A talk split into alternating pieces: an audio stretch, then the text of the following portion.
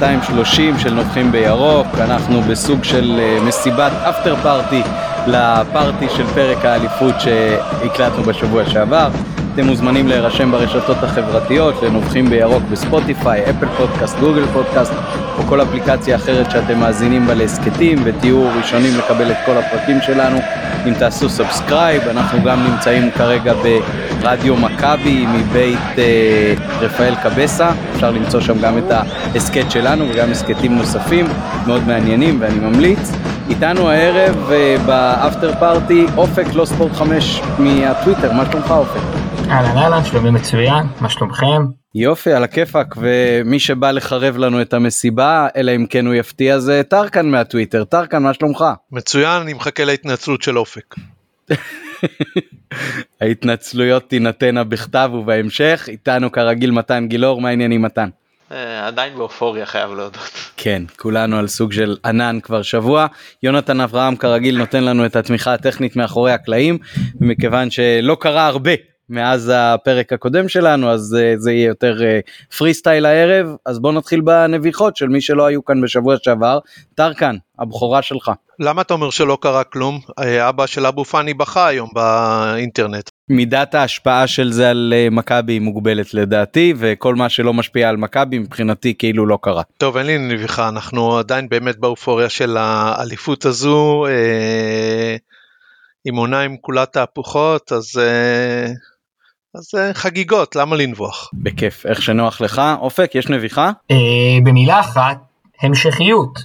מכבי חיפה עשתה הישג אדיר בעיניי בעונה האחרונה, ועכשיו ההישג הזה דורש המשכיות בתוצאות, בסגל השחקנים, בהתנהלות. אחלה עבודה, ממשיכים הלאה.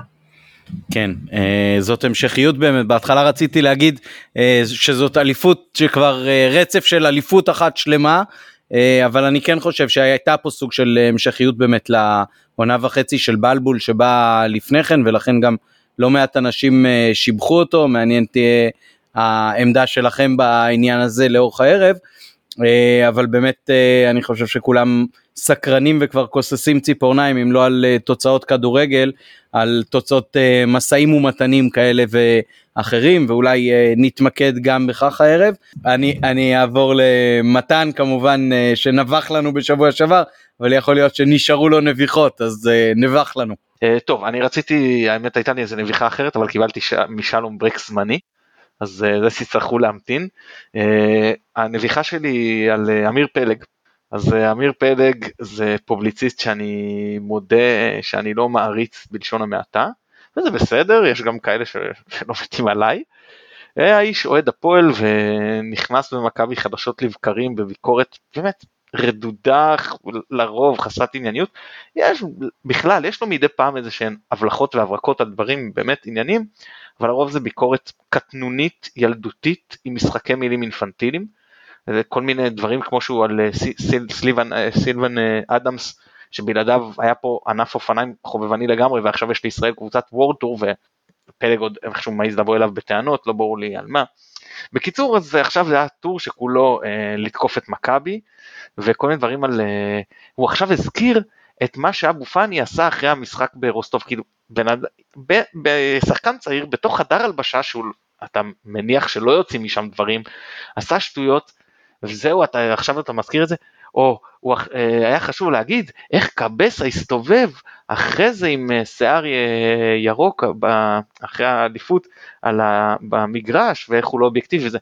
וואו, קבסה אוהד מכבי, תשמע איזה הפתעה, אני לא ידעתי את הדבר הזה. מזל שאמיר פלג פה כדי לדווח לנו. באמת, אתה יודע, איש מחפש את מכבי בצורה כל כך קטנונית ועוד הוא רושם באתר תוכן אחד משני הגדולים במדינה, לדעתי מגוחך. אני רק אגיב למתן, כי צייצתי על זה השבוע. אה, אני חושב שהוא הגדיל בעניין של אצילי, כן? לא ניכנס לפרק של אצילי, אבל בוא, כאילו, אתה בא מקבוצה שפרשייה גועשת עכשיו בדיוק בתקופה הזו, אה, הייתי מציע לשתוק לפני שאתה כותב טור כזה. כן, בהחלט אה, דברים אה, ראויים. אה, אז בוא סכם לנו את העונה הראשונה של אה, בכר, אה, טרקן, ספר לנו מה אתה חושב על זה. טוב, אם אני אגיד שבהתחלה רציתי את בכר אז uh, מיד אופק יקפוץ עליי כי uh, זה לא נכון, אני העדפתי את המורה שלו, את ערן בן שמעון, uh, שגם נתן עונה יפה. אה, אבל אני חושב שכולם מחפשים מה השוני במכבי חיפה השנה לעומת אה, שנה שעברה למשל, מה הייתה ההתקדמות אה, של בכר לעומת בלבול, ואני חושב שהשוני דווקא הוא ביאנקלה שחר, ואני אגיד שיאנקלה שחר הגיע השנה רעב כדי לקחת את התואר, זה אה, קודם כל בשינוי שהוא עשה בבכר, כן, אה, הוא הלך הביא מאמן שנחשב למאמן לכאורה הישראלי הטוב בשוק, אה, מתוך כוונה להביא אליפות, זה בתור התחלה. הוא גם נתן למאמן הזה את הרכש שהוא ביקש בעמדות שכולם חשבו שצריך רכש. זה גם בעמדת הבלם, גם בעמדת הקשר האחורי, אה, חלוץ מחליף, ואפילו הביא לו מגן שמאלי אה, אה, שכולם חשבו שייצא יותר, אבל, אבל לפחות הוא הביא, שם את הכסף בעניין הזה. וזה לא נעצר פה, כי גם בינואר ינקלה פתח את הכיס, והביא רכש, אני חושב שאין מחלוקת שאצילי היה רכש עם נתונים פנטסטיים לחצי עונה, באמת אה, אה, אה, נתן פה פוש ענק. אז כשאתה מסתכל על כל הדברים האלה, אז אני חושב שקודם כל צריך להגיד משהו. ינקלה השנה בא לקחת תואר, וזה לא סתם, כי הוא בא לקחת תואר בשנה אולי הכי חשובה, שבה הפער של מי שבמקום שני, לאן הוא הולך באירופה, לבין מי שהולך מקום ראשון, הוא מאוד משמעותי.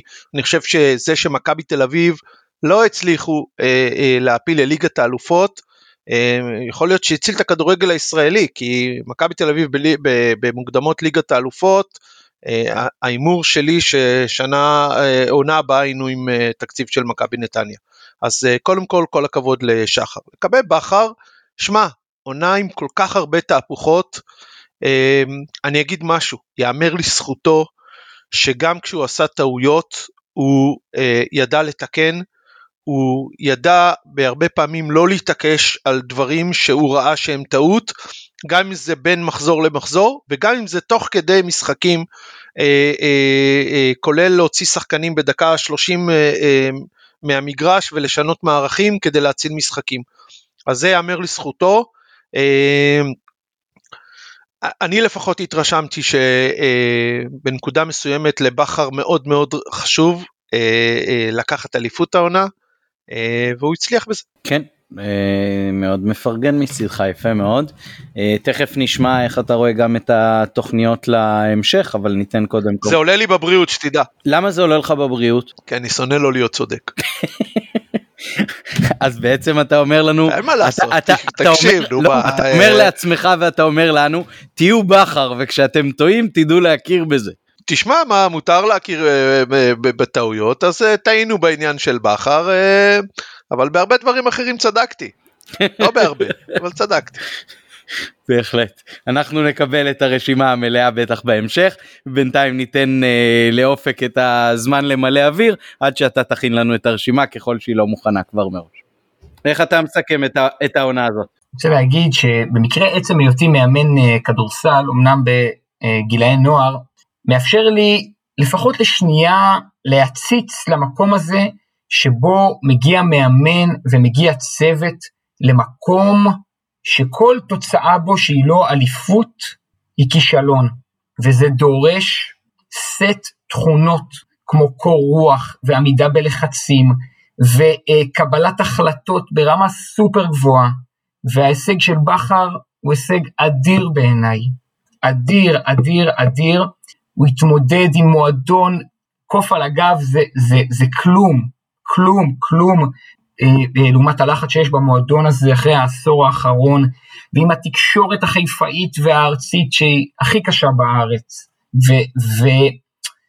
ואוהדים שלא יקבלו כלום חוץ מגם כדורגל חיובי וגם תארים, ולעמוד בכל המערכת הלחצים העצומה הזו, אמ, זה הישג ממש ממש ממש מרשים, ואני חושב שבכר הוכיח במהלך השנה שהוא יודע לדרוש מהבוסים שלו רכש שיביא תואר, וזה בשונה מהמאמן הקודם, ומעבר לכל זה, אני חושב שקצת כמו שטרקן אמר, הייתה פה מידה רבה של גמישות.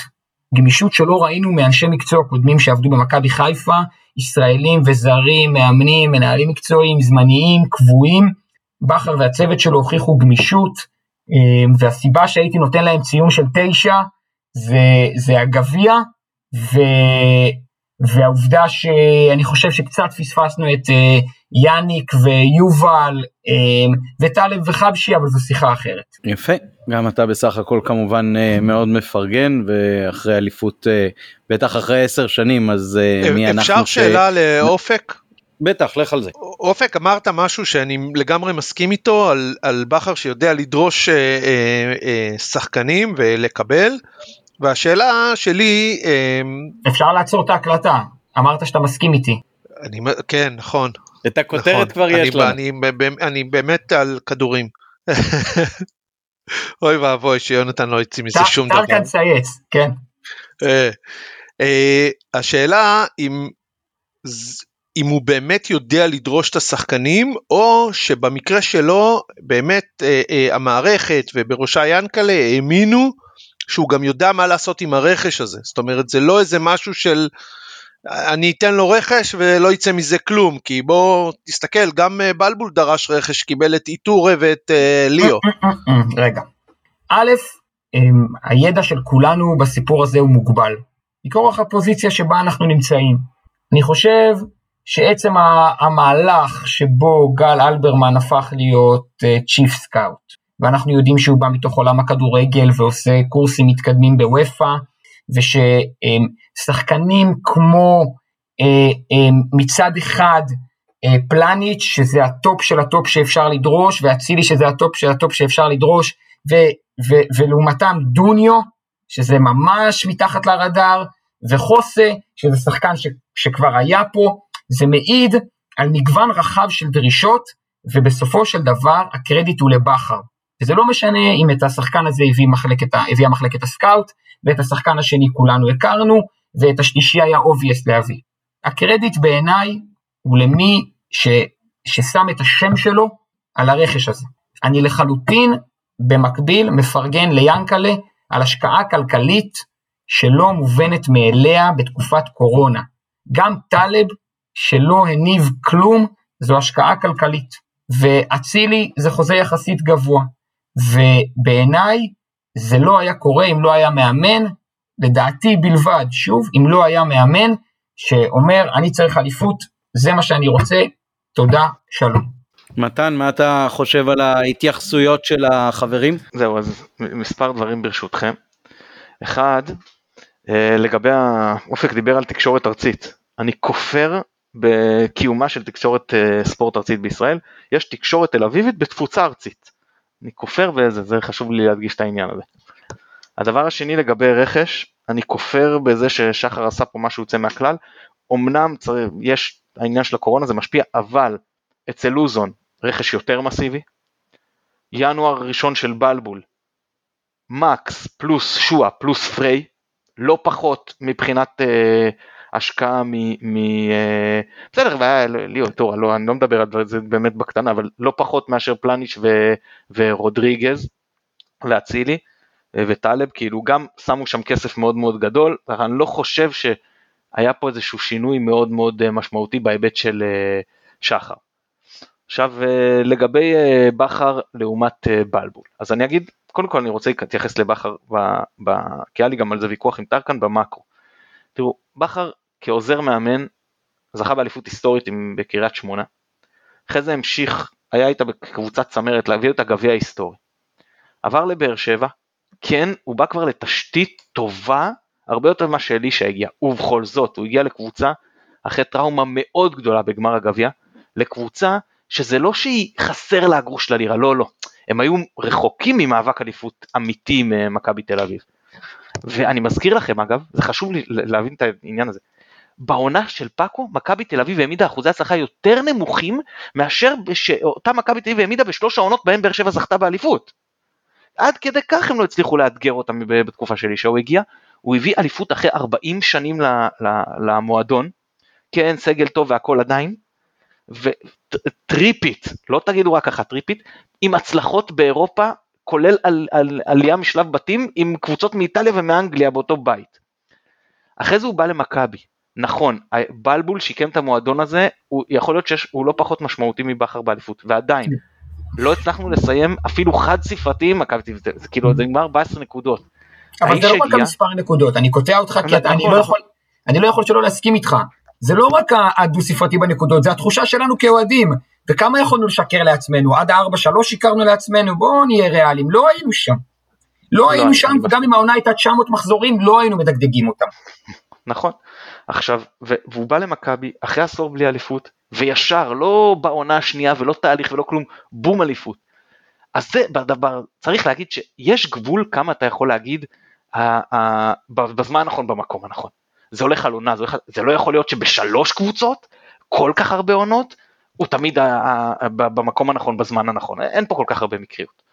זה אחד, שתיים, בכר עשה פה, הוא הגיע למועדון, שוב, יחסית כבר בצמרת, העלה אותו בכל אחד מארבע המסגרות שבהם מתמודד, בגביע טוטו הגענו מקום אחד גבוה יותר, בגביע הגענו, הגענו שלב אחד אה, רחוק יותר, באירופה הגענו שני שלבים רחוק יותר, שזה כבר עם משמעות הרבה יותר גדולה משניים האחרים, כי זה אה, גם עניין כלכלי ובעיקר עניין של דירוג לשנים הבאות, ואליפות, אה, שאחד, הוא זכה באליפות שזה הכי חשוב, ושתיים, הוא גם השיג אחוזי הצלחה יותר גבוהים, שזה אתה כבר לא יכול להגיד מכבי תל לא מכבי תל כי הוא השיג אחוזי הצלחה יותר גבוהים, זה אובייקטיבית. אתה יכול להגיד שאליפות זה גם תלוי איכשהו ביריבה. הוא עשה פלייאוף ענק, פלייאוף ענק. היחידה שלא הפסידה בפלייאוף, גם עם כל הלחץ, ואחרי עוד שמכבי תל עלו חזרה למקום הראשון וכל העניין המנטלי, ובנוסף, התמודדת עם מכבי תל אביב במשחקים שווה כשווה. בסרט אתה יכול להגיד טיפה יותר טיפה פחות אבל בגדול שלוש תוצאות חוץ מהגביע הגביע באמת הייתה קריסה גם שלא בסדר לא אכפת לי אני פחות אכפת לי מהגביע אבל אה, בסופו של דבר בליגה הוא עשה איתם שלוש תוצאות תיקו וההפסד היחיד גם זה היה בפנדל בתוספת הזמן שגם אנחנו יכולנו לקבל פנדל קצת לפני זה היה מאוד מאוד אה, קרוב מה, מה, מהעניין הזה והנה יונתן רושם לנו פלייאוף ראשון ללא הפסד בתולדות uh, מכבי. טוב זה לא כל העונות היו הפלייאוף צריך לזכור. כן, אבל היה גם פלייאוף של חמישה מחזורים שלא הצלחנו, אפילו בפלייאוף של חמישה מחזורים שלקחנו אליפויות לא הצלחנו לעבור כנראה אה, ללא הפסד והנה אה, אה, עכשיו עשינו את זה בעשרה מחזורים. כל שיפוט של ברק בכר ביחס, כל שיפוטיות ביחס לעשור האחרון רק תגדיל אותו, זה טרקן לא יצא פה טוב. כן, ואני אני רק, אני בכל זאת אגיד שני דברים, אחד, אני חושב שהייתה קצת היעדר רוטציה, אני חושב שזה קצת פגע בנו ואני מאוד חושב שזה יפגע בנו גם להמשך. וזהו, זה כאילו כל העניין של, אה, גם בהתחלה היה סיפור של, דיברנו על זה של אה, קצת הרגשנו שקלארק זז החוצה ואיך זה השפיע על הקבוצה, ולי יש הרגשה שהוא מוחזר, הם רואים אותו. לא, זה לא הרגשה, גם לי, אני, אני שותף לזה, קלארק ראית אותו על המגרש בכל הפלייאוף ובכל המשחקים האחרונים. וזה השפיע, זה, ראינו איך היינו מול מכבי תל אביב גמורים מעייפות בעונה הסדירה, ואיך בפלייאוף זה לא היה אחרת אותה הרגשה. נכון? כאילו, זה, אין מה לעשות, שקלארק חזר לעניינים לפחות, אני לא יודע, יכול להיות שאני מסמן פה, תוקע את החץ ומסמן מסיבות המטרה, אבל לי הייתה הרגשה שברגע שהוא חזר לעניינים שראית אותו עם הקבוצה על המגרש, אז גם הכושר הגופני של הקבוצה כאילו עלה והשתפר אה, והיה יותר דומה לזה של העונה שעברה. זהו, יש פה עניינים שאפשר לגעת מנטליים, חזרה ממחצית שעשינו את זה אצל בלבול ואצל בכר זה היה פחות טוב, אבל לא חשוב, זה כבר ניואנסים, אני, אני באמת חושב שיש פה משהו אה, בול פגיעה ואני מאוד מאוד אה, מקווה שבכר יישאר.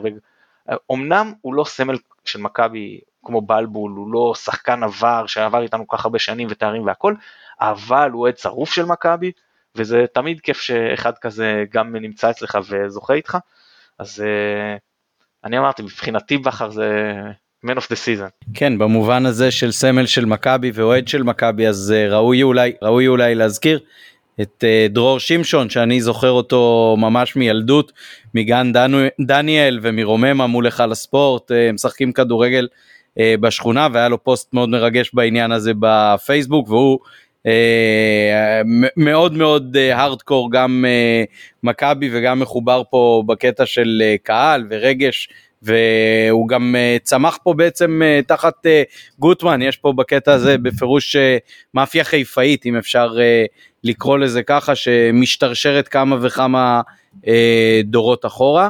אוקיי, אז אחרי שבעצם אה, נגענו בעונה האחרונה של אה, בכר, אז בואו ננסה קצת אה, ספקולציות להמשך. מישהו מכם רואה מצב שבו שחר מוותר על בכר לעונה הבאה ויש לנו מאמן חדש על הקווים בעוד חודש? טרקן, אתה ראשון. אתה מנסה לעקוץ אותי, ש... אתה מנסה לעקוץ אותי, נכון? שאני אגיד מאמן אחר. זה ידוע הרי שאתה בעצם נציג של פיד קולינריה שמנסה להשיג עוקבים באמצעות הקטע הזה של הספורט וזה, זה לא באמת מעניין אותך הרי. אתה מציג כל פעם דעה שהיא איפכא מסתברא, לפעמים אתה פוגע ולפעמים לא. זה לא ממש כאילו נוגע בהארדקור של העיסוק שלך. בוא תן לנו ספקולציה. אני לא יכול. לא, זה לא נכון, לא, לא נכון. לפני משחקים. יש דיון שלם איפה אוכלים. אני לא יכול, אני לא יכול לשבת. בשקט. לא יכול לשבת בשקט. אמרת שלפעמים הוא פוגע ולפעמים לא. זה נותן איזשהו מצג שווא למאזינים שלנו, שיכול להיות שיש איזשהו, איזשהו סיכוי שהוא אחד כן ואחד לא. הוא 99 לא ואחד כן, ואז חוגג על זה שנתיים. תגיד לי, אתה רוצה שאני אוציא לך הקלטות של uh, כמה קאיו הולך להיות שחקן ענק? או שאתה לא רוצה שאני אוציא הקלטות משם? מה אני קשור אה? לקאיו, תגיד. עם מאמן אחר הוא היה שחקן ענק. מאמן אחר הוא היה שחקן ענק. זה יותר קשור, אתה יודע, אתה מבין שקאיו יותר קשור לפיד קולינריה מאשר לספורט. אני אגיד לכם שני דברים על קאיו. אחד, קודם כל בהגדרות אה, אה, גיאומטריות, הוא אכן היה שחקן ענק. וב' אני מזכיר לכם שהשער שלו השאירו אותנו בליגה. יפה, הדחיקה. אני, אני רק רוצה להגיד שטרקן מתבלבל, הוא פשוט דיבר עם משה פרימו, וחושב שבגלל שפרימו אמר שטרקן, ש, שטרקן, שקאי יהיה שחקן העונה, אז הוא משליך את זה על כולנו. ת, תגיד, אתה לא אמרת לפני שלוש עונות, אתה לא אמרת שגלאזר הולך להיות שוער ענק? גלאזר זה נפילה ענקית שלי. ענקית. אה, הנה, הקשבתם? הקשבתם? אנחנו הבאנו את אה, מיכאל אה, יויכין, והוא אמר כבר, עוד לפני שקאיו נחת, שזה הולך להיות נפילה. יפה מאוד. אה, אה, איפה היינו? כשמביאים שחקן באר קרגו זה באמת בוודאי הולכת להיות נפילה. כן רגע על מה על מה אה אם מישהו אחר יכול להגיע טוב אני כן. אגיד שלא אני קשה לי להאמין אה, זאת אומרת כל עוד זה יהיה סיפור של משא ומתן כספי כמו עכשיו זה ייפתר אבל העניין הוא רק אם בכר יקבל איזושהי הצעה מאוד מאוד קורצת מחו"ל. אבל אם אתה מדבר על המשכיות ובכר לא ממשיך, וזה, וזה, וזה כן נוגע לעניינים כספיים, אבל אם אתה נוגע להמשכיות ובכר לא ממשיך, אז אתה בבעיה קשה. אני מסכים. בסדר, אבל... נכון, אבל אם הוא מקבל עכשיו הצעה, סתם דוגמה, מצמרת בלגיה, צמרת שווייץ, מקצועית בוודאי שה... שזה קורץ הרבה יותר מלאמן את אה, בליגה הישראלית, כן? ברור שנאמן את מכבי זה כאילו הדבר הכי גדול בעולם, אבל עדיין. תראה, אם הוא מנהל כרגע משא ומתן עם מכבי, וזה מה שאנחנו יודעים שהוא עושה, אז אה, כנראה שלמכבי יש את האופציה להחתים אותו. אם מכבי לא עושה את זה אז אה, צריכות להישאל קודם כל שאלות קשות לגבי מי שקובע במכבי וצריך לזכור מבחינה כספית אולי שבכר זה לא רק בכר כי אנחנו יודעים שיש לו כוורת גדולה וחלק גדול מההצלחה גם הוא זוקף לזכות הכוורת הזאת ולכן כשמחתימים אותו זה לא רק אותו אלא גם הרבה מאוד... פרלה כל סכום? מה? כל סכום? כל סכום, ואני מזכיר, רגע, שנייה, שאולי ניגע בזה בהמשך, אני מזכיר שאתה עוד צריך רכש, כי דיברנו על זה שחלק מהשחקנים עזבו, וצריך רכש משמעותי, בטח אם אתה רוצה להשתפר אה, לשנה הבאה, בטח אם אתה רוצה להשתפר באירופה, ועכשיו אני שואל, כל סכום? ברור שלא, כל סכום, ברור שלא כל סכום, אבל לגבי כל סכום צריך גם לשאול את השאלה, אוקיי, ואם לא, אז כמה חסכת, זאת אומרת מה, מה ההפרשים בין uh, הכל סכום של uh, בכר והכוורת שלו לגבי מי שיבוא במקומו, כמו שאפשר לשאול על uh, כל uh, שחקן ש... לא לא אבל שלא יובן לא נכון, אני, אני כן חושב שבכר צריך להמשיך ואני אגיד, אגיד למה אני אומר את השאלה הזאת, כי היו פה עונות שהכריזו שמאמן מסוים הוא הרכש הכי טוב שלנו כי פשוט לא היה שום רכש אחר. אני מזכיר את המאמן כן, הזה, כן, אני לא כן, אגיד זה, זה, זה, זה זכור היטב המאמן הזה.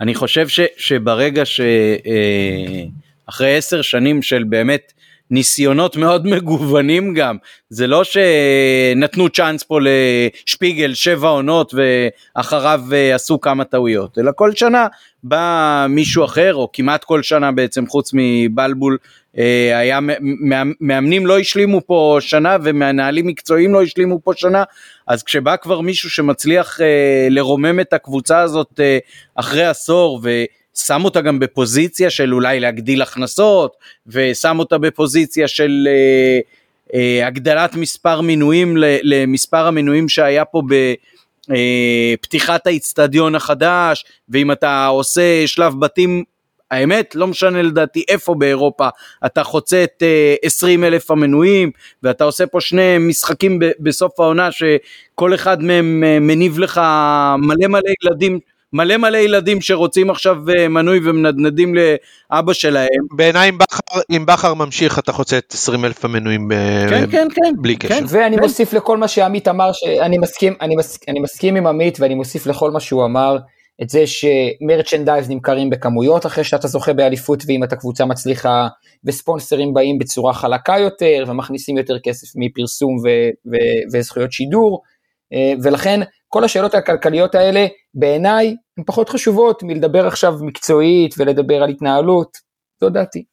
כן, אני דרך אגב לנושא הפיננסי גם מצרף את, ה, את הדיון שבטח מתקיים עכשיו בהסכת שלנו ובהרבה מאוד אה, סלונים של אה, אוהדי מכבי חיפה, אבו פאני למשל, אבו פאני יש לו חוזה לעוד עונה, אז עם כל הכבוד, מעניין לי את הבולבול שבכר ירוויח עליו בעוד שנה או לא ירוויח עליו בעוד שנה, אני רוצה אותו בשנה הקרובה אצלי, כי אני חושב שהסיכוי להביא שחקן שימלא היטב את מקומו הוא סיכוי של 50 אחוז, ואם אני משאיר את אה, אבו פאני, אני יודע טוב מאוד מה אני מקבל ממנו, אז uh, באמת פחות, כאילו, גם כשיש uh, הצלחות ובא כל כך הרבה קהל, אתה מכניס מספיק כסף שהעוד מיליון, פחות מיליון ממכירת השחקן, לדעתי ההשפעה שלו על הפייר פליי הפיננסי הוא בטל בשישים. אגב אבו פאני אני רק רוצה להתנצל אה, בפני משפחת אבו פאני שאחי במשחק בקריית שמונה קילל אותו כל המשחק ואז הסתובבנו וראינו את המשפחה מאחרינו. אני בכלל לא מבין את הקטע הזה של לקלל ככה כל המשחק שחקנים אבל זה עניין אחר. אני איתך מתן אני לא מקלל באצטדיונים בכלל וזה הופך את החוויה שלי לטובה יותר. אני גם לא מקלל לא אף אחד לא את השופט לא את היריבים לא אף אחד. ברגע שאתה לא מגיע לאצטדיונים החוויה שלנו הופכת טובה יותר. אני לא יודע אם דיברת עליי או על אופק אבל אני מגיע לכל המשחקים ואמשיך להגיע לכל המשחקים. תשאיר את זה תשאיר את זה ככה. למסגרת למזג האוויר למצב בטבלה וליום בשבוע. ובכל מקרה, מה שרציתי להגיד לגבי בכר שצריך לקחת בחשבון, שבכר קודם כל נותן תמורה לכסף, כי הזרים למשל שהוא הביא זה בול פגיעה, ואני אגיד אפילו שהוא ממנף לך את הכסף.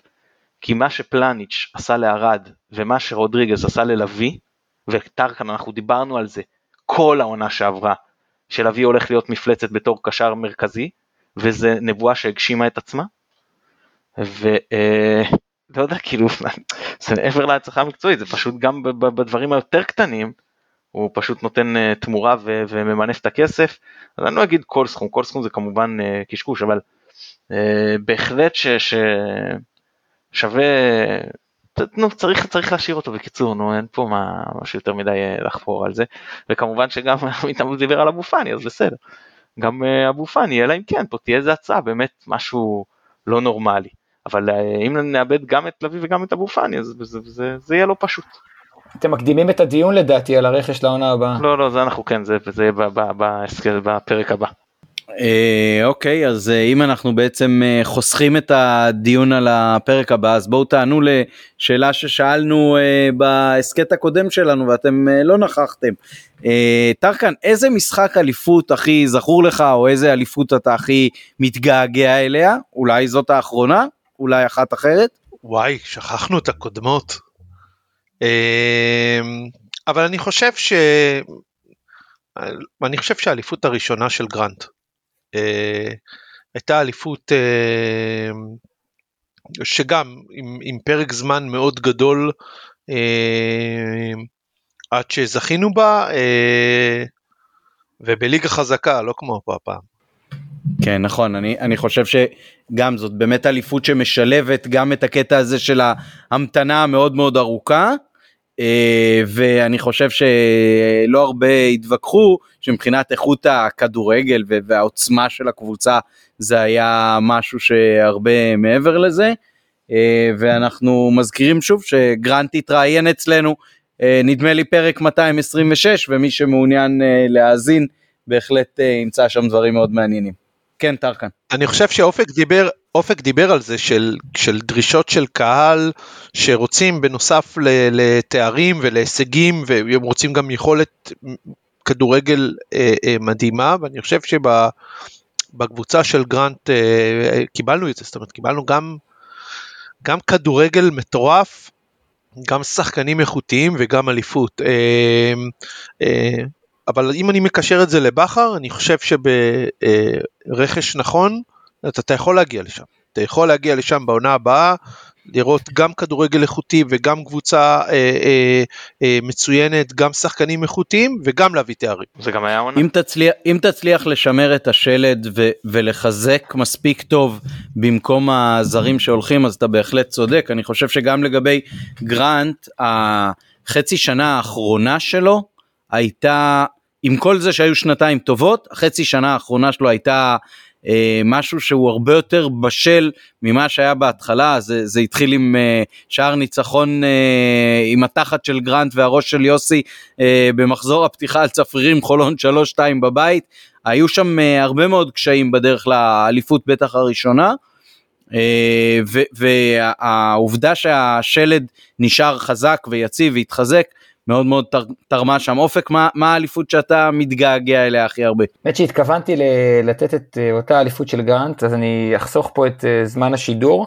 ולמיטב זיכרוני סיימנו מקום שני עונה קודם ומקום שלישי שנתיים קודם ועשינו איזה תהליך כזה שאני כחובב ספורט מאוד אוהב שמועדונים אה, וקבוצות עושים. אני, אני אגיד משהו אנקדוטה על זה שסיימנו מקום שלישי שנתיים קודם. פתחנו את המחזור האחרון עם זיכרוני אינו מתן עם מקום רביעי. הפועל פתח תקווה שהיו, אני חושב הפועל פתח תקווה היו מקום שלישי, והלכו למאבק שהם אירופה ובני יהודה להישאר בליגה. ושירזי שם להם צמד בשכונה, השאיר את בני יהודה בליגה ולקח אותנו לאירופה, ובמשחק שאנחנו ניצחנו אז היו קריאות אה, עידוד אה, רבות לחזי שירזי, ששחקן העבר אז אה, היה. שחקן העבר, כן. שאגב, אגב, אגב, אגב, כמו שאומרים בבוגה של לילה, אני יודע ממקור ראשון מה שנקרא, שמח מאוד על האליפות של מכבי והעדיף אותה על מכבי תל אביב. אה, אוקיי עכשיו בוא, נשאל אה, שאלה כזאת אתם חושבים שהעונת קורונה הזאת תרמה למכבי מבחינת האליפות או שאולי דווקא החיסרון של הקהל אה, גרם לזה שלקחנו את זה רק במחזור האחרון ואלמלא כן אז היינו אלופים עוד קודם. אופק נתחיל איתך הפעם. קשה מאוד לדעת מה היה קורה אילו ובאותה מידה בדיוק בעיניי קשה ל, ל, להבחין בדיוק מה הסיפור של הקהל עושה לכל שחקן בקבוצה ולכל קבוצה בדינמיקה שונה של עונה. אמ, ראינו את זה לדוגמה במחזורים האחרונים, במשחק הגביע איך נראינו ועם מעט קהל בקריית שמונה איך נראינו, לעומת אה, פתיחות המשחקים והבליצים אה, על אשדוד ובאר שבע. לעומת זאת, היו שנים שהקהל רק הלחיץ אותנו, והשחקנים שלנו התקשו מאוד uh, לעמוד במעמסה הנפשית של uh, משחקים uh, באיצטדיון סולד uh, אאוט. Um, אז, אז באמת קשה לי לנבא. אני חוזר למשהו שאמרתי בהתחלה, והוא אינפוט uh, שלי, uh, שחבריי וחברותיי שומעים ושומעות uh, אותי אומר הרבה. הקורונה חייבה גמישות מחשבתית ויכולת להתאים צרכים מקצועיים לסיטואציות משתנות. זה סופר קשה. מאמנים מקובעים או צוותים שלא מסוגלים להביא חדשנות, הולכים לאיבוד בתוך הקורונה, יש מועדונים בעולם שלא מצליחים להגיע להישגים דומים למה שהיה קודם.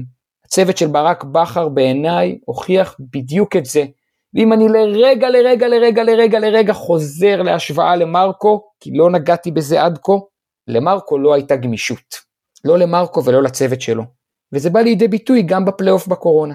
אני כן חושב שלמרקו הייתה יכולת להיות מאוד סולידי במשחקים, וזה מייצר יציבות מהסוג שלבכר לקח הרבה זמן למצוא, עם שיטות שונות ומערכים שונים וציוותים שונים וחילופים שונים, וכשבכר עלה לדרך הישרה והפסיק עם הניסיונות ופחות שיגע את הקבוצה, טסנו לאליפות. אז סליחה שקצת ערבבתי בין נושאים, אבל זה התחבר לי.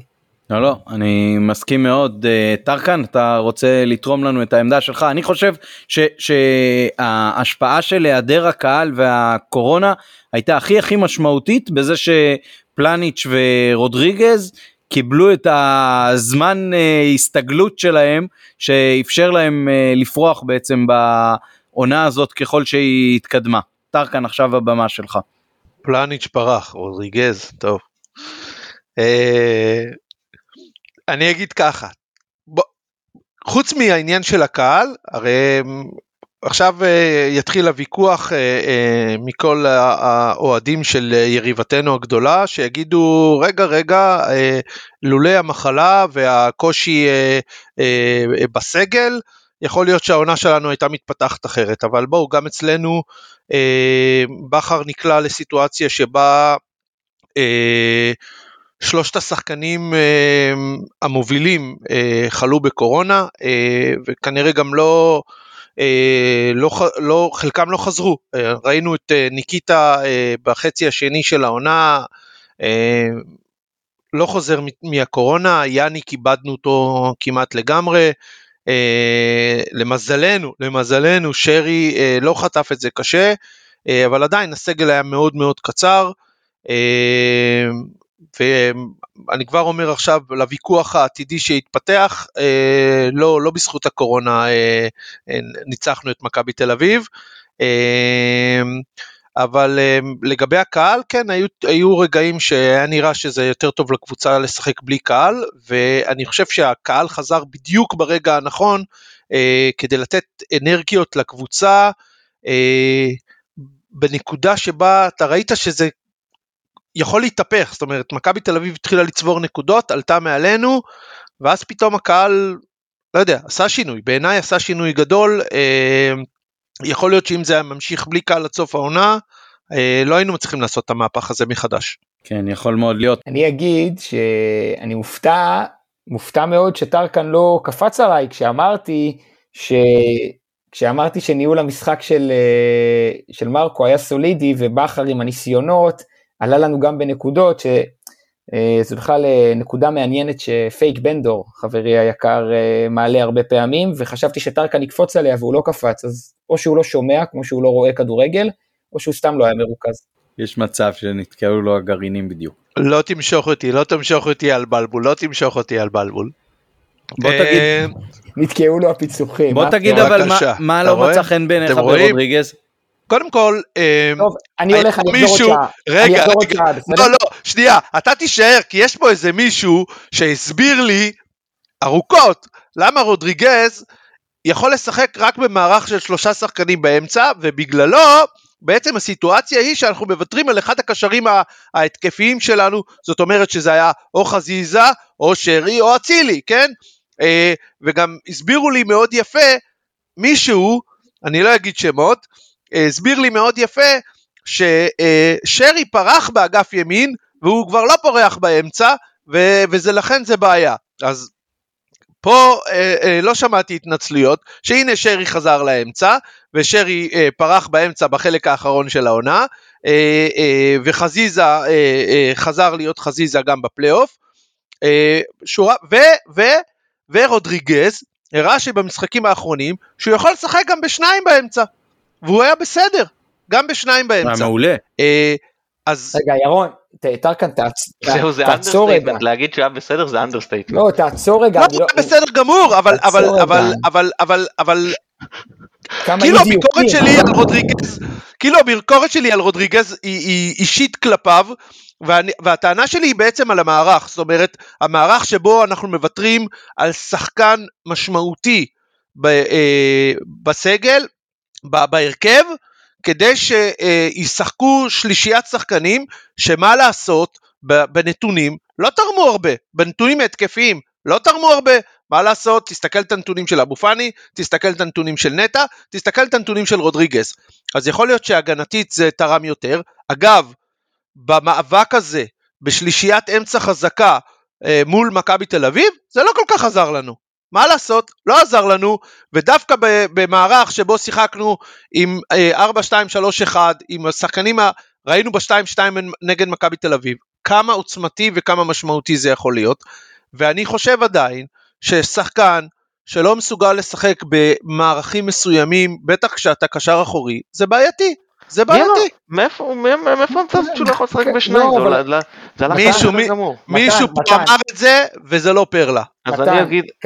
לא, אבל רגע, כמה אי דיוקים בדברים שטרקן אומר, אני לא, לא יודע, הדבר היחיד שאני יכול לעשות, אני לא ממליץ לאף אחד לעשן, זה להדליק סיגריה. ולהתחיל לרשום את הדברים, כי, כי, כי האי דיוקים, המוניטור, המוניטור היה מתפוצץ. עכשיו דבר אתה. לא, אני, קודם כל אני חושב שרודריגז בוודאי יכול לשחק גם במערך של אה, שני קשרים, אבל אני חוזר ואומר מה שאמרתי לאורך כל העונה, ואני עדיין מחזיק בדעה הזאת, שהכוח הכי גדול שלנו העונה היא שלישיית האמצע, וזה גם השינוי הכי גדול שלנו מהעונה שעברה. ואי אפשר להסתכל ולהגיד הם לא נותנים התקפית כי הם מפנים גם את השחקנים ההתקפיים להתרכז יותר בהתקפה. והחילוצים של הכדורים שהם מכניסים כדורים להתקפה שפתאום צריכה להתמודד עם שלושה או ארבעה שחקני הגנה ולא עם אה, קבוצה שלמה שמתגוננת אז יש איזה ערך ואני אקח בדוגמה הכי טובה שנטע נגיד הבישול שהוא נתן לדוניו בטדי. אז לפעמים זה לא בישול לפעמים זה אוקי אסיסט או לפעמים זה רק התקפה מבטיחה זה לא משנה. אני חושב, והשקט שזה נותן להגנה והיכולת שלך, של פלניץ' או של ארד, ללכת עם הכדור עמוק לשטח היריבה כי הם יודעים שיש לך שחקנים שישגיחו מאחורה. וזה שנטע העונה יכל לצאת ללחוץ וגם אבו פאני שאני אמרתי פרק שעבר שזה הקרצייה והעלוקה אני קורא להם כי רודריגז מחפה. כי רודריגז בניגוד אגב ללוי בעונה שעברה, יודע להיכנס מצוין לעמדה של המגן או לעמדה של הבלם ולהיות חלק מרביעיית הגנה. מתן, בשנייה... בחלק גדול של העונה אתה משחק מול קבוצות נחותות ממך, אתה צריך די. לנצח אותם 4 ו-3-0, נו די עם זה, מה, חילוצים, החילוצים, מרקו בלבול, חוץ ממשחקים שעשה שטויות, ניצח את המשחקים האלה בקלות. וככה הייתי לא נכון, מצפה שמכבי לא נכון. חיפה תנצח. הוא לא ניצח אותם בקלות, ועובדה שהוא ישחק שיעורי הצלחה יותר נמוכים. זה לא נכון להגיד שהוא ניצח אותם בקלות. לא, אני, אני לא בטוח. אם, אם מנקים את המשחקים נגד מכבי תל אביב, האחוזים של מרקו ושל uh, בכר מאוד מאוד דומים. אני חושב אבל שבאיזשהו לא, מקום... לא, יותר ועדה ובלחץ. רגע, אני רגע. חושב שבאיזשהו רגע. מקום, רגע, מה, ש, מה ששניכם, שני, שתי הקבוצות פה אומרות, זה בגדול לא, לא מאוד רחוק אחד מהשני. תראו, בלבול בתחילת הקדנציה שלו אה, שיחק עם אה, שלושה בלמים קבוע. אחרי שהקבוצה התחזקה והתאזנה ו- וצברה קצת ביטחון והפסידה למכבי תל אביב בחוץ 1-0, הוא עבר לשני בלמים וככה הוא שט כמעט עד uh, סוף העונה שעברה. בכר uh, בגדול שיחק בחלקים הראשונים של העונה עם שלושה קשרים באמצע חזקים ואחר כך הוא יותר ויותר משחקים אה, שיחק עם שניים באמצע, אה, כי הקבוצה כבר באמת הייתה יותר חזקה, ו- וראינו שבשני המשחקים האחרונים למשל, כשהיו רק שניים באמצע, היה לחץ ב- ברמה המיטבית שלו. אז אני לא חושב ש... אתם כולכם מהללים את, ה, את הגמישות של אה, בכר, אז גם בעניין הזה, אני רק לא הבנתי למה מכל זה מה שאתה לוקח זה ביקורת על רודריגז, טרקן. רגע, ואני אגיד עוד מילה על זה ברשותכם, ואז אופק, שנייה, שנייה, אני מצטער אופק, תן לי עוד אה, בקטנה, אני אגיד עוד משהו על זה, אי אפשר להתעלם מהעניין של אצילי, שעד שהוא בא וזה שלקח לו זמן להיכנס, כאילו מה היו האלטרנטיבות? אני מוחא לך כפיים, אני מוחא לך כפיים. מה היו האלטרנטיבות לפני? וילצחוט שלא נכנס לעונה עם הקורונה, אשכנזי שלא חזר שני החבר'ה האלה מעבירים אחד לשני כסף בביט על מחיאות כפיים, נו ברלה תעזור פה. רגע, טרקן, שנייה, מה הייתה האלטרנטיבה, אם אתה אומר בסדר, אני לא פותח עם שלושה, אז מה, אני שם את אה, אבו אלשיך, אני שם את דוניו בקו, אני, אה, את מי אין, לא היה לך אלטרנטיבה, שאתה אומר, אתה יודע מה, גם כשהיה משחקים נגיד, שהיו לנו אחד מה, מהשחקנים של האמצע, אה, פצוע, פצועים או מורחקים. רגע, אתה שוכח את הנקודה ש... רגע, טרקן, שנייה, רגע, טרקן, רגע. הייתה שאלה, האם, ואני באמת התחבטתי האם אני שם עכשיו את נגיד מאור לוי, או שאני עולה עם עוד, עם עוד נגיד שחקן התקפי, ואז אני אומר לו, יש פה כזאת ירידה ברמה, עד שאני מעדיף לשנות מערך ולעלות עם עוד אה, שחקן התקפי. אז אני אומר בדיוק אותו דבר. נגיד היית מוותר על אחד מקשרי האצע, כי אתה אומר אני עכשיו עולה מול קבוצות שאני צריך לפרק וזה, מי היית שם? עד שלא היה אצילי וגם לא לקח זמן להיכנס לכושר, אז בהכרח ירדת ברמה בצורה מאוד משמעותית משחקן ההרכב שוויתרת עליו לשחקן שהבאת אה, במקום לנוכח הרמה היותר נמוכה של אה, וילצרוץ ושל אשכנזי וגם כשהם אה, לעיתים הראו רמה קצת יותר גבוהה זה לא היה עקבי ולא לאורך דקות ארוכות אחרי מחצית אחת של וילצרוץ נגד מכבי פתח תקווה שבאמת הייתה יוצאת מהכלל. ולכן אני, אני, אני חושב ש... אני מסכים איתך, רק אתה שוכ... אתם, אתם, אתם, אופק קרא לי מעוות אה, מציאות, אז בואו נדבר על, על מציאות. היה משחקים שרודריגז שיחק בלם שלישי, בלם שלישי, והיה משחקים שהסטטיסטיקה הראתה שלא לא בעטנו לשער מחצית. זה הסטטיסטיקה, היו משחקים כאלה. יש הבדל בין לגמור משחק ב, ב, ב, אה, אה, שקשה ואתה מתקשה בו, לבין לגמור מחצית מול הפועל באר שבע עם אפס בעיטות לשער. אפס בעיטות לשער. מה לעשות? זה, זה, זה היה, זו, זו הייתה הסטטיסטיקה. אז עם כל הכבוד, אני בהחלט לא אהבתי את המשחקים האלה שרודריגס שיחק בלם שלישי. לא אהבתי. לא אהבתי. אז את מי אני אמור להאשים? תן לי, תן לי, תן לי רגע, תן לי רגע. תן, לא תן לי מה שנקרא. אמ, אני אתחיל ואגיד שאחרי שני הפסדים אה, להפועל חיפה ולכפר סבא, התאזנו לרצף של עשרה משחקים עם תוצאות טובות, באמצעות השלישייה הזו באמצע. אלה עובדות שאי אפשר להתווכח עליהן, בדיוק כמו שרז מאיר וסן מנחם נכנסו להרכב, על אף שהם לא היו אמורים להיות המגנים הפותחים בתחילת השנה, וככה התאזנו, ודינמיקה של קבוצת ספורט, היא כשמוצאים את האיזון, כשיש חיבורים טובים, חיבור זו מילת המפתח בספורט קבוצתי מקצועני, כשיש חיבור ומוצאים את האיזונים, צריך להמשיך לשחק ככה, זה אחד. שתיים, עד שאצילי לא הגיע, אני מוסיף לכל מה שמתן אמר ואני חותם על כל מילה שלו, ולא, לא העברתי לו כסף בביט. עד שאצילי לא הגיע, גם לא היה לך בצד ימין של ההתקפה לוחץ ברמה גבוהה. מי שלא מכיר את הנתונים, את סטטיסטיקת העומק של עומר אצילי עוד מימי מכבי תל אביב, חוטא להבנה כמה שחקן כדורגל שלם הוא. לא מדבר על הבן אדם והאופי והאישיות, לא מעניין. עומר אצילי הוא שחקן כדורגל שלם גם בזכות משחק ההגנה שלו. הוא לוחץ פנטסטי.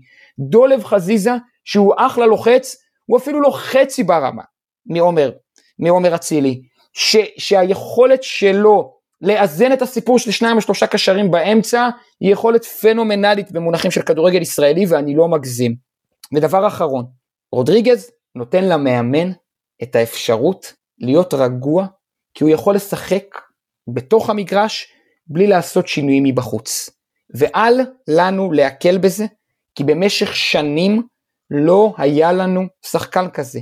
אתה יכול טרקן לבוא ולהגיד שבעיניך זה לא החלטה נכונה, זה לגיטימי ומובן ובאמת בסדר גמור. למאמן, כשהוא פותח את המשחק, חשוב לו שתהיה לו את האפשרות לעשות שינויים פנים, פנים מקצועיים בלי להביא שחקן מבחוץ, ורודריגז נותן לו את זה, ובעיניי זו חתיכת גדולה של שחקן. רגע, רגע, אני, אני רוצה לשאול, כי, כי דיברנו גם בפרקים קודמים, בעונות קודמות, מתן דיבר על זה שצריך שש, נכון? אז עכשיו אני אשאל אותך, רודריגז זה קנדאורוב? זה ז'וטאוטס? זה הרמות האלה? לא, אבל מה זה קשור? זה כן, לא, בוודאי שזה קשור. קשור. אני חושב שיש דברים, יש דברים, יש דברים, יש דברים, בכדורגל בפרט ובספורט קבוצתי אה, אה, בכלל, שלא מודדים פרסונלית.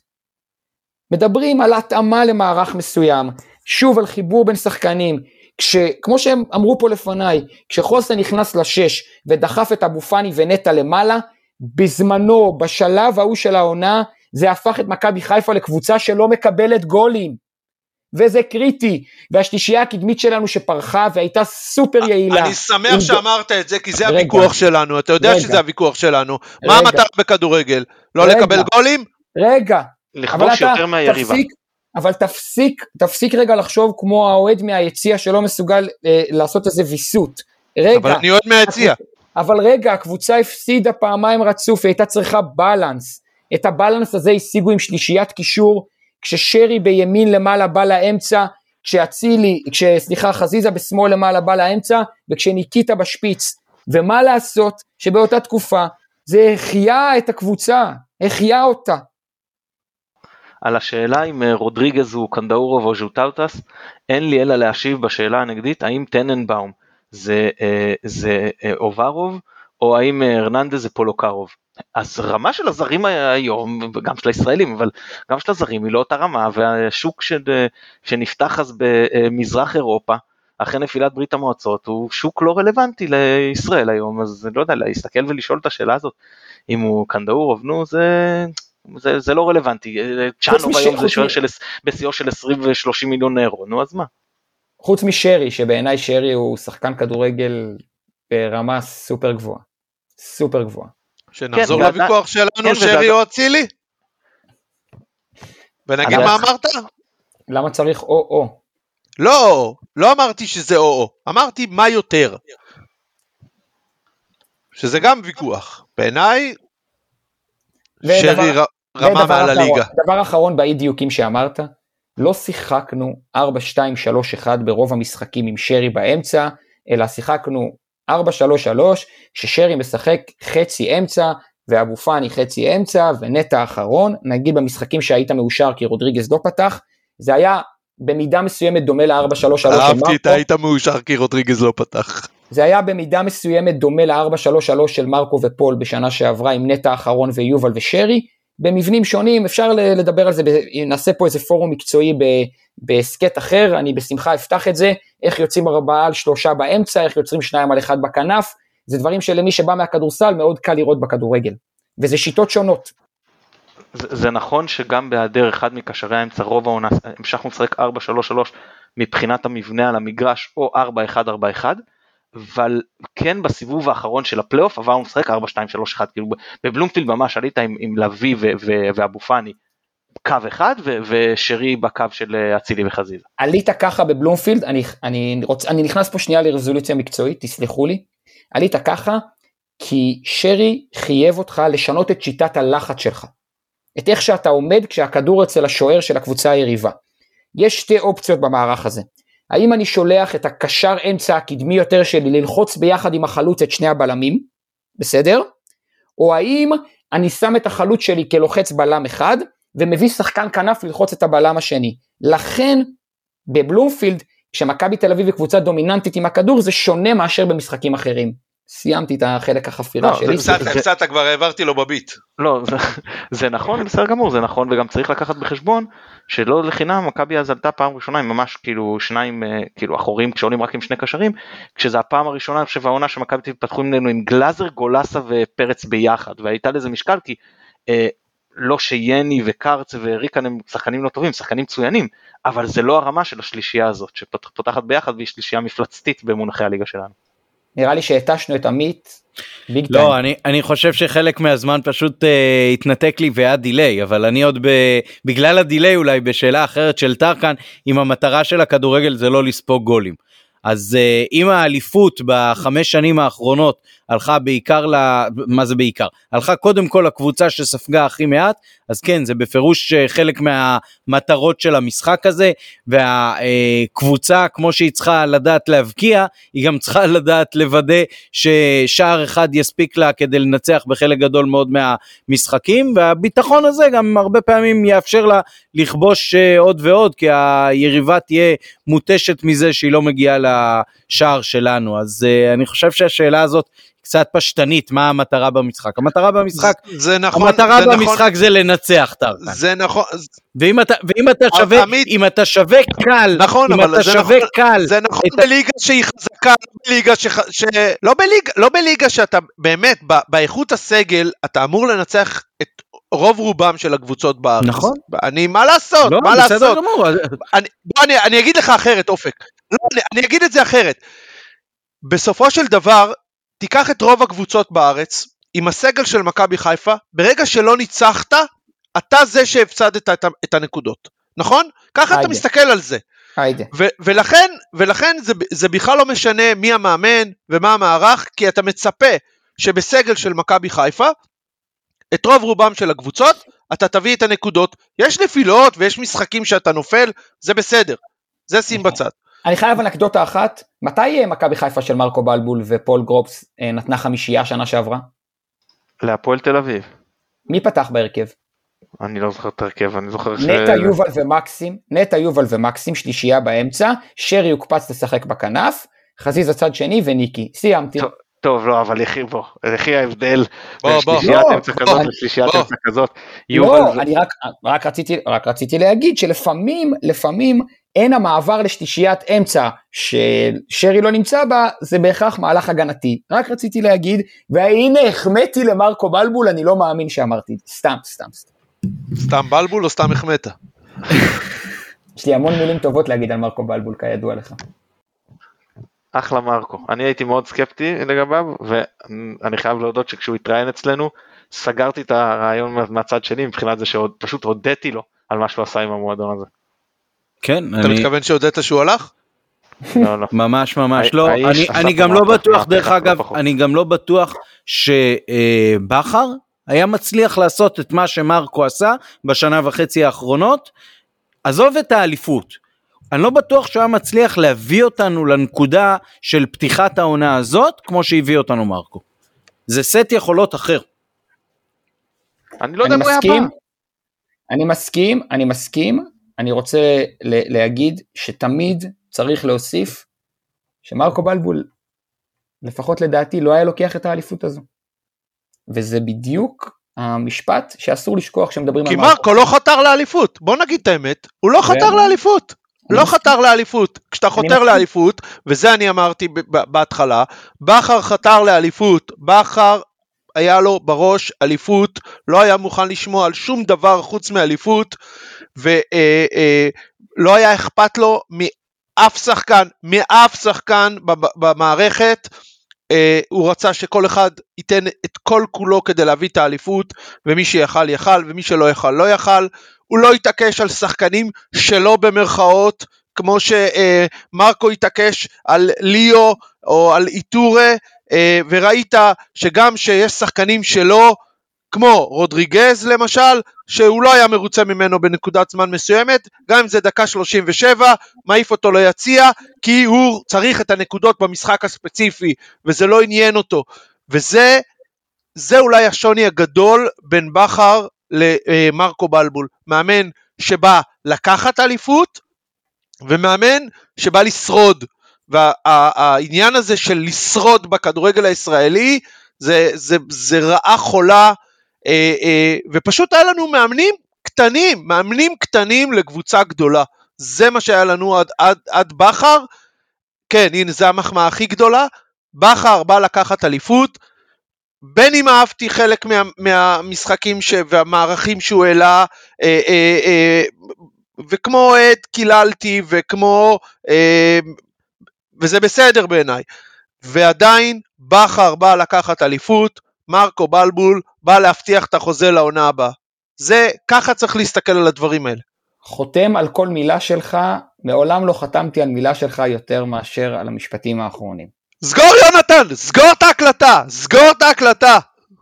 אנחנו, אנחנו, עושים, אנחנו עושים שכונה לאנשים הרציניים שיושבים אה, בצד השני לא, לא, עם, ה- עם הקונצנזוס השיח הזה באמת. אני, אני חושב שנכון אה, לחתום, אה, כולל הפנייה לפרק 202, אה, שבו הריאיון שעשינו עם מרקו בלבול, שמתן הזכיר קודם. רגע, אפשר, אפשר, שנייה, עמית, שנייה, שנייה, עמית. רק, רק, רק שנייה, פרלה, פרלה, רק שנייה, אני, אתם, אתם מזכירים, אה, הזכרתם את הפרק הזה שוב ושוב ושוב, ואני זוכר שהקשבתי לפרק, והגעתי לנקודה שבלבול מדבר על כמה כאב לו הפספוס בהחתמה של, אה, של, אה, אשק, אשק. של אשק בינואר. עזוב, כאילו רחוק מהמציאות, מה זה רחוק מהמציאות? שאני עקרתי את הרדיו כששמעתי את זה, זה היה נורא. אתה, בגללך אשק לא חתם, אתה, היה לך עצוב? חצוף! נראה לי שאתה מסוג האנשים שבשנות ה-90 היו מוציאים את הרדיו ושמים בתא כפפות כדי שלא יגנבו להם אותו. מה זאת אומרת? רק, לא, לא רק את בתא כפפות, הפאנל, מתחת רק את לכיסא. הפאנל הוא לקח את איתו, הפאנל, את הפאנל מתחת לכיסא. את המוח הוא לא לקח, אפשר אה, לפני הימורים, אה, אה, פרלה, כן בטח, אפשר בבקשה מילה על, על אה, חיזוקים, על, על חיזוקים לעונה הבאה. לגמרי, תן לנו את הפתיח לפרק הבא. אה, אז האמת שניהלתי על זה אה, בצהריים שיחה עם אה, עדי בן דניאל שהוא חבר טוב ואחד ממביני הספורט הגדולים שאני מכיר, לא בהגזמה. אה, ממש ודיבר- בהגזמה. ודיברנו, ודיברנו על, ה, על, על זה שצריך לשחק נכון עם הסיפור של הזרים. ואם אנחנו מצליחים להביא איזה שחקן כנף ישראלי לרוטציה, כמו קניקובסקי, וחוסכים במרכאות את הזר של יאניק, אז אנחנו נוכל להביא עוד זר לאמצע. ואם נטע הולך, או אולי אבו פאני הולך, זה קריטי מאוד להביא עוד זר לאמצע.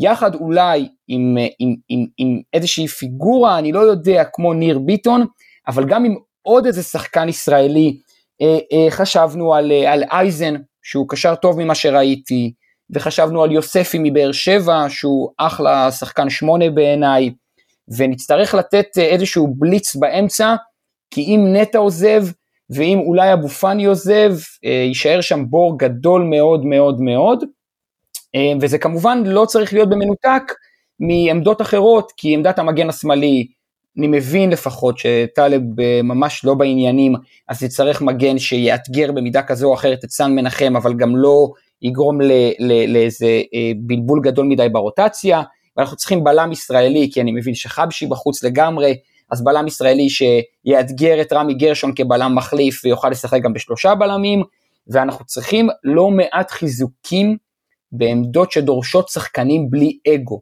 וזה אני אומר רגע מידיעה על חוסר רודריגז. חוסר רודריגז הוא שחקן סופר אהוב. הוא שחקן שהתחרות שלו עם אבו פאני ונטע לא גרמה לחיכוך אחד ביניהם. וניהול אגו, שזו התכונה הכי מרשימה של ברק בכר בעיניי, זו גם המיומנות הגדולה ביותר של אנשי מקצוע במאה ה-21 בספורט קבוצתי, לדעת לנהל אגו. ולדעת לנהל אגו זה להביא שחקנים שיבואו מלמטה ויתחרו ולא יעשו פרצופים כשהם לא עולים ולא ידליפו על שחקנים אחרים כשקורה משהו באימון ובהיבט הזה לפגוע באופי של השחקנים זה תן לנו שמות, תן לנו שמות, תן לנו שמות, מי הדליף? אה, לא אבל אבל ברצינות שנייה אני רוצה אני רוצה לשאול שאלה okay, באמת נסגור, נסגור את ההקלטה לא אבל תשים לב אני הקשבתי אה, כאילו מצד אחד באתי להגיד שאני מסכים איתך שזה נורא ואיום להסכים איתך אבל מצד שני אה, שים לב כשאתה מדבר על, על, על רכש לעונה הבאה אני יודע שזה לא הפרק אבל עדיין כשאתה מדבר על רכש לעונה הבאה אתה מדבר על מחליפים. זאת אומרת אתה לא מסתכל על עמדה שאתה אומר רגע רגע לא יש לנו שחקן טוב בעמדה הזו אבל אני רוצה להביא שחקן טוב יותר ושיתחרו אחד בשני, זאת אומרת, למה רק על מחליפים? א', א', א', לא סיימתי את הסאגה, אני חושב שצריך מגן ימני פותח במקום מבוקה. לא, עזוב, עזוב מגן ימני, כי מגן ימני אנחנו יודעים כי, כי מבוקה הלך, אבל בלם, למה לא בלם פותח? כי אני חושב, כי אני חושב שעופרי ארד ופלניץ' הם בלמים לעוד שלוש שנים קדימה לפחות. איך אני? כי זה מה שאני חושב. אני, לא, אני, אני מסכים איתך, אני מסכים איתך, אבל לא... לכן, אבל, אני צריך, לכן אבל אני צריך בלם. בעצם אתה, רוכש קבוצה של מחליפים, ואני לא חושב לא. שבכל העמדות לא. צריך uh, מחליפים. לא, אני, חושב. שבאמצע אולי כן צריך להשתדרג, אני חושב שבאגף צריך שחקן אחד משמעותי, שבאמת יקרא תיגר על, על, על, על כל מי שנמצא שם. ואתה יודע מה, אני הייתי הולך על, על, על הכי רחוק שאני יכול להגיע, אה, אני יודע שאני מכור קרים פריי, אבל, אבל באמת, אז אולי לא קרים פריי, אבל, אבל משהו בסגנון הזה, שאתה אומר, רגע, לא בטוח שכל מי שנמצא היום בקבוצה יפתח. טוב, עמית, אנחנו מהמרים או משהו? Uh, בסדר לא מה שחשבתי להמר זה על uh, כמה מתוך הסגל המורחב בעצם uh, יישארו פה בעונה הבאה אבל אולי זה יותר מתאים בפרק שנעשה על הרכש מישהו רוצה לנסות לנחש מי, יהיה, מי תהיה היריבה שלנו אה, בסיבוב הראשון במוקדמות? נקווה רק למדינה ירוקה, זה ה... כן, כן. מדינה ירוקה. אני צריך התייעצות של פיד... אין מדינות הת... ירוקות. אני צריך התייעצות, אני צריך התייעצות של פיד הורים, כי אשתי אמורה ללדת בימים הקרובים, איך זה עובד עם יציאות לאירופה, בואו תספרו לי קצת. סתם, זה, זה לפרק אחר. אני, אני טסתי לאלקמר אם יהיה תינוק בן אה, חודשיים. מה חודשיים? אני אומר לך, אמורה ללדת שבוע הבא, חודשיים זה מלא זמן. לא, אז אם ממש אה, קורעת ללדת הגעתי עד באר שבע. עכשיו זה היה הגבול. בשבוע שהבא, תעזרו לי, תעזרו לי. בשבוע שהבכורה שלי נולדה הייתי פעמיים בבלומפילד, זה הניצחון על צסקה. אתה מביא חנויות של עגלות מחול ואתה טוען ששם הכי זול. מאוד פשוט. לא עוד לא ניסית את העגלה הארמנית. לא, אבל יש לך זמן לשיטת הזירוז הקלאסית ביותר, כאילו עד המשחק יש חודש. טוב, בואו נחתוך את זה פה, פה זה רק מידרדר נראה לי. היידה. אז נודה לאופק אה, לא ספורט 5 מהטוויטר, ותודה רבה. תודה, נהניתי מאוד. ונודה לטרקן המכונה טרקן, שכרגיל מביא, מביא הרבה צבע. טרקן הצודק. צודק. וכמובן לעמית פרלה. תודה רבה מתן. נודה ליונתן אברהם שנותן לנו את התמיכה הטכנית מאחורי הקלעים. אני מתן גילאור, תודה רבה שהאזנתם, ביי ביי.